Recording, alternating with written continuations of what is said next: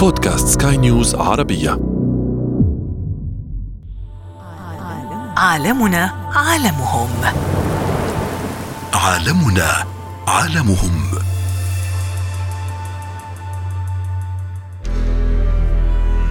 بالمناسبة هي الأم عندها طبيعة هرمونية خاصة بتقدر إن هي تعمل توقف لنمو الجنين بيسموه الثبات الجنيني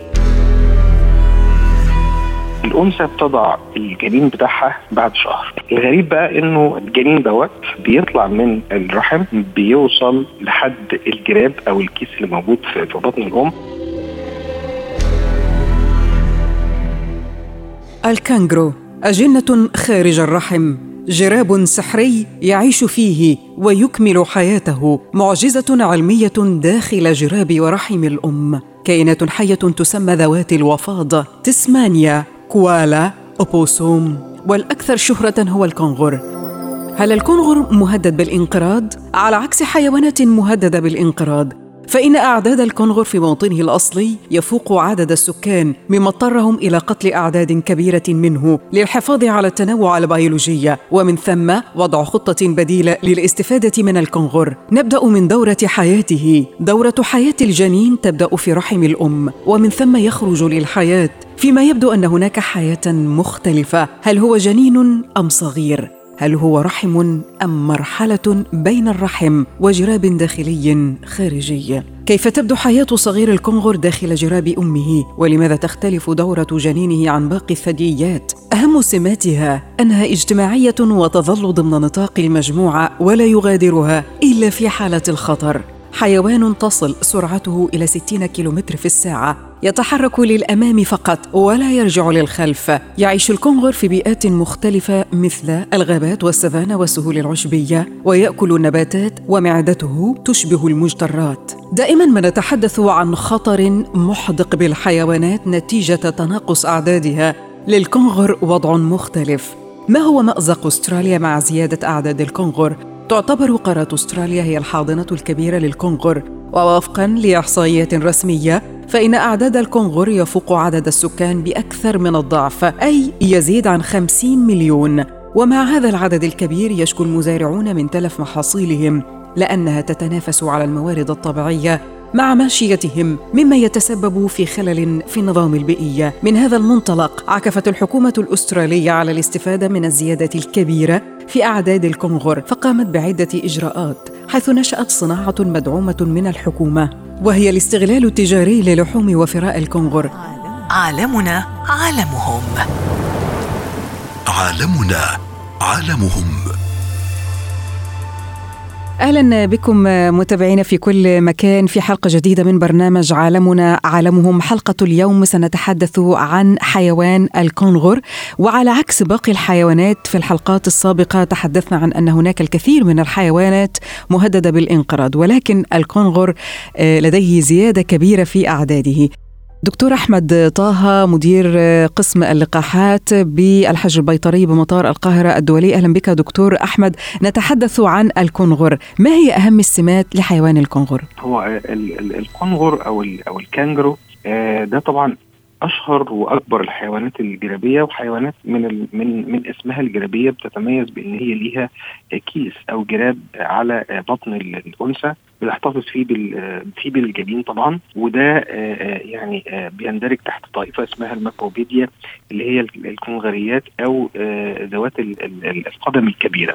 ده طبعا موجود بكثرة في أستراليا زي ما حضرتك قلتي أعداده كبيرة في منه أنواع كثيره جدا في تقريبا 90 نوع من الكناجر في منها الكناجر كبيرة الحجم وفي منها المتوسط وبيسمى الولر وفي منها صغير الحجم بيسمى الولب وفي أنواع صغيرة جدا اسمها الكونغر الجرز ده شبيه بالفأر.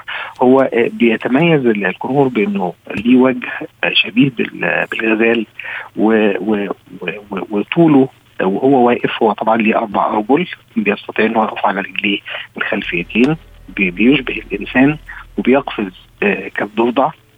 وفي بعض الأحيان في أنواع بيوصل طولها زي الكونغر الأحمر لمترين تقريبا. آه طبعا هو بيعيش في المناطق العشبية المكشوفة. وأهم ميزة للكونغر إن هو بيقطن أستراليا وتعتبر آه، أستراليا الموطن الرئيسي والوحيد لجميع أنواع و- وعلى فكرة أستراليا كمان بتتميز بإن هي بتشتمل على العديد من الجرابيات لأن الجرابيات أو الكيفيات ال- ال- الأنثى بتتميز إن هي ليها جراب أو زي ما قلنا على بطنها آه ليها ليها طبيعة خاصة في الحياة وليها آه مكان خاص وفي في الأغلب بيكون أستراليا هو ال- ال- المكان. معظم الجرابيات لو لو تتبعنا ال- ال- ال- التاريخ من الازمان ال- البعيدة.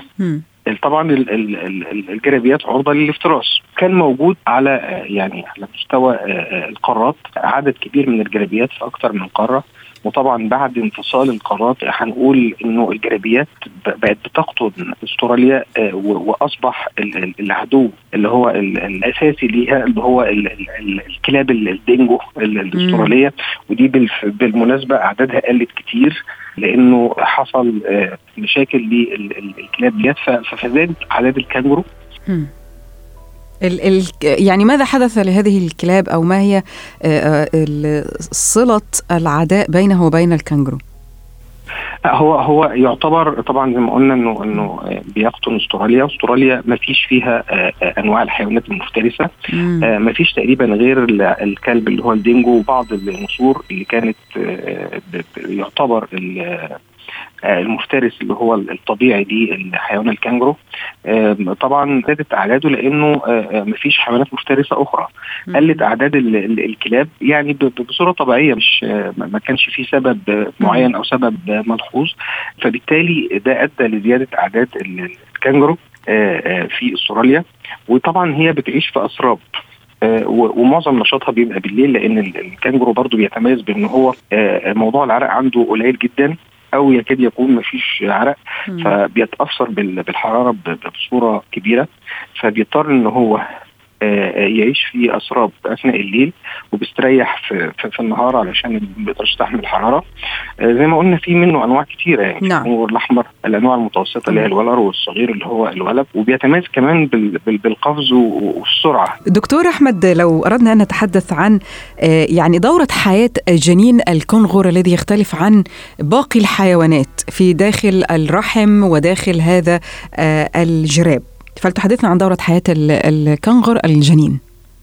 مش إحنا هنقول إنه آه، آه، باختلاف آه، أنواع الكنجر وأحجامه وبيقدر يعيش تقريبا من ست سنين ل 10 سنين في الظروف ال- ال- الطبيعية. طبعا بعد ما اتعمل له آه، محميات أو بقت بعد ظروف المعيشة بتاعته ما بقت أفضل و- وقلل الح- الحيوانات المفترسة اللي هي بتقدر إن هي تقلل أعداده ممكن يعيش تقريبا لحد 15 سنة أو لحد 18 سنة كمان. الإناث آه، فيها طبعا يعني دي سبحان الله يعني ملاحظة غريبة جدا. ليها طبيعة خاصة. هنقول إنه آه، التزاوج بتاع الكونغر بيكون على مدار السنة. طبعا ما عدا الفترات اللي بينزل فيها ال- ال- الغذاء والمية. الأنثى بتضع الجنين بتاعها بعد شهر من التزاوج. تمام؟ يعني تقريبا بيقعد من 30 ل 40 نوع على اختلاف ال- الأنواع في رحم ال- الأم أو في رحم الأنثى. الغريب بقى إنه آه، آه، ال- ال- الجنين دوت بيطلع من الرحم. بيوصل آه، لحد الجراب أو الكيس اللي موجود في بطن الأم هنقول إنه بي- بيتولد تقريبا طوله 2.5 سم يا دوبك يعني مفيش هو يعتبر جنين ما اكتملش. بيكون آه، عينيه وودنه آه ورجله الخلفية أصلا مش متطورة يعني ما بيكونش ال- ال- الجسم كله اتطور. بعد الولادة مباشرة بيزحف الوليد دوت علشان يدخل في جراب آه، آه، البطن للأم لوحده. الأم ما بتساعدوش لأنه لو تدخلت آه، هتموته. آه، ولما بيدخل الجراب بيلتصق بالحلمات بيبقى جزء منها ما بيسيبهاش نهائي. وبيفضل جوه الجراب بتاع الأم تقريبا من سبعة لثمان شهور. وفي خلال الفترة دي الغريب برضو إنه ممكن الأم تضع صغير جديد. يعني ممكن الأم آه، آه، يحصل حمل والجنين يتكون في الرحم. وبالمناسبة هي الأم عندها طبيعة آه، هرمونية خاصة بتقدر إن هي تعمل آه، توقف لنمو ال- الجنين بيسموه الثبات الجنيني. كأنها تحتفظ بالأجنة كما يحدث الآن دكتور أحمد بالظبط آه. بالظبط في حيوانات ال- اللي هي ال- ال- التلقيح المجاري والكلام ده آه. لا ده هي عندها القدرة الله. كمان إن هي توقف عملية نمو الجنين في الرحم مم. لفترات طويلة تكاد تصل لشهور والنشاط الهرموني بي- بي- بيسمح تاني لما الظروف تتحسن انه الجنين ينمو. وزي ما قلت لحضرتك بيغادر بمفرده آه، من آه، آه، من فتحه خروج ال- الجنين لحد الكيس على البطن تقريبا بتبقى آه، المسافة بتاخد تقريبا ثلاث دقائق أو أربع دقائق. وبدون آه، مساعدة ال- الأم ده بيسموه في حالة تأخر ال- ال- النسل آه، آه، بسبب طبعا المناخ أو في نقص في المية أو في الغذاء. آه، زي ما قلت لحضرتك بتحصل إنه البويضه آه، بتتأخر في النمو بيسموه الانغراس المتأخر. آه. ده بيحصل برضه على فكرة في بعض الأنواع زي الغزلان والقنا- وال- والأنافذ والكلام ده. نعم. وقبل الولادة بيوم أو بيومين الأم بتبدأ تجهز آه، الكيس ده. بإن هي آه، آه، بتنام على ظهرها وبتنظفه كويس جدا بلسانها الجنين ده بيبقى طوله صغير جدا. وما بيزنش تقريبا 8 جرام مش كامل وبيتم اكتماله في ال- الجراب أو أو الكيس هنقول ده. يعتبر وهذه هي المعجزة ال- الطبية والعلمية في هذا الحيوان الذي يختلف طبعا باقي الحيوانات على كوكب الأرض فعلا. صحيح. طيب دكتور أحمد يعني في حلقات سابقة كنا دائما نتحدث عن أن الانقراض يدق ناقوس الخطر للكثير من الحيوانات والطيور والنباتات ولكن يبدو الأمر مختلف كثيرا للكنجرو آه، هناك آه، زيادة في أعداد الكنجرو بشكل كبير. طبعا آه، لا زيادة ولا النقصان لأن النقصان يؤدي إلى تغيير في التنوع البيولوجي ويضر ويضر التنوع البيولوجي وأيضا زيادة الأعداد هناك في استراليا شكوى من قبل السكان بأن الكانجرو آه، أصبح يصارع وينافس الماشية في أكل النباتات وبالتالي يحدث خلل في التنوع البيولوجي وأدى ذلك إلى قتل أعداد كبيرة منهم. كيف يعني إذا شرحت لنا بالتفصيل ما حدث بالفعل في أستراليا لحيوان الكانجرو وكيف آه، تم الحفاظ على التنوع البيولوجي من خلال آه، هذه الخطة التي قد وضعتها الحكومة الأسترالية ما يسمى بالاستغلال التجاري؟ بداية أعداد فعلا آه، للكنجرو كبيرة جدا. يعني في نوع واحد مثلا الكنجر الأحمر بي- بيكاد يصل العدد التعداد بتاعه لأكثر من 4 مليون. وفي مليون ونص من الكنجر الرمادي. آه، وعلى فكرة الأعداد بتفوق هذه الأرقام يكاد يكون يصل ل 50 مليون, مليون،. يعني مجموع آه من مجموع اعداد الكنجرو ده تقريبا ضعف آه، عدد آه، سكان أستراليا. آه، طبعا هنتكلم عن الأعداء الطبيعيين للكانجرو اللي هي كانت النسور ال- الكبيرة والحيوان الدينجو. وطبعا آه، اصطاد يعني كان سكان أستراليا بيصطادوا ال- ال- الكنغر زمان. للأكل علشان اللحمة بتاعته بتتميز ببروتين عالي والى آخره. آه، ده طبعا آه، كان آه، آه، في توازن يعني كان الأول في توازن في اصطياد الكانجرو أو سواء كانت ال- النسور والكلاب اللي هي ال- ال- المفترس الطبيعي للكانجرو فكان في توازن ما بين ال- ال- الأعداد ال- اللي موجودة. آه، قبل بريطانيا ما تحتل آه، آه، أستراليا. لكن بعد كده بدأ الفلاحين يزرعوا الأرض ويجيبوا أغنام وماشيه وإلى آخره. فطبعا بقى في تنافس ما بين الكانجرو والحيوانات اللي هم بيربوها. من أغنام وماشيه على ال- العشب. فاتغيرت البيئة الطبيعية للكانجرو طبعا بعد زيادة ال- النمو السكاني وال- والتطور آه، بتاع جزيرة أستراليا أو قارة أستراليا. آه، هنقول إنه آه، اتبنت طرق واتبنت مدن. فبقى في كمان مشكلة كبيرة جدا. من آه، آه، الصدمات اللي بتحصل بالعربيات لل- للحيوان الكانجرو. آه، نتيجة طبعا إن هو إن هم بيعدوا الطرق. المو- الموائل الطبيعية بتاعته قلت الأشجار كمان تم طبعا قطعها وإلى آخره. فالموئل الطبيعي اتغير. ولكن ولكن هنقول إنه الطبيعي إنه يحصل انقراض.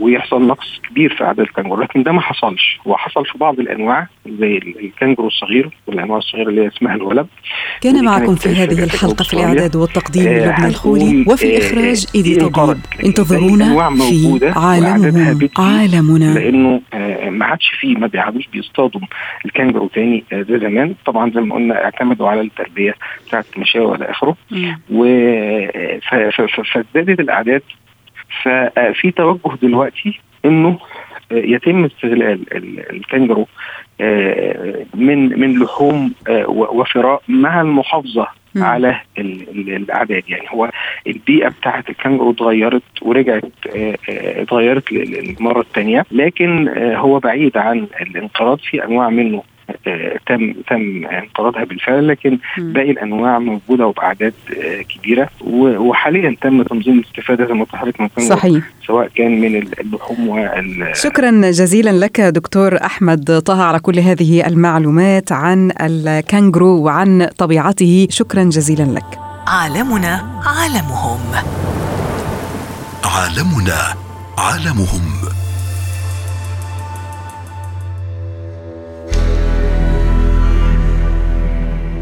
دورة حياة الكونغر داخل جرابه بها الكثير من الأسرار. من هذه الحياة ندرك أننا نعيش في عالم يكمل كل كائن حي الآخر ويعيش ويتعايش، يؤكل ويأكل، حيوات مختلفة تؤثر في عالمنا الذي هو عالمهم.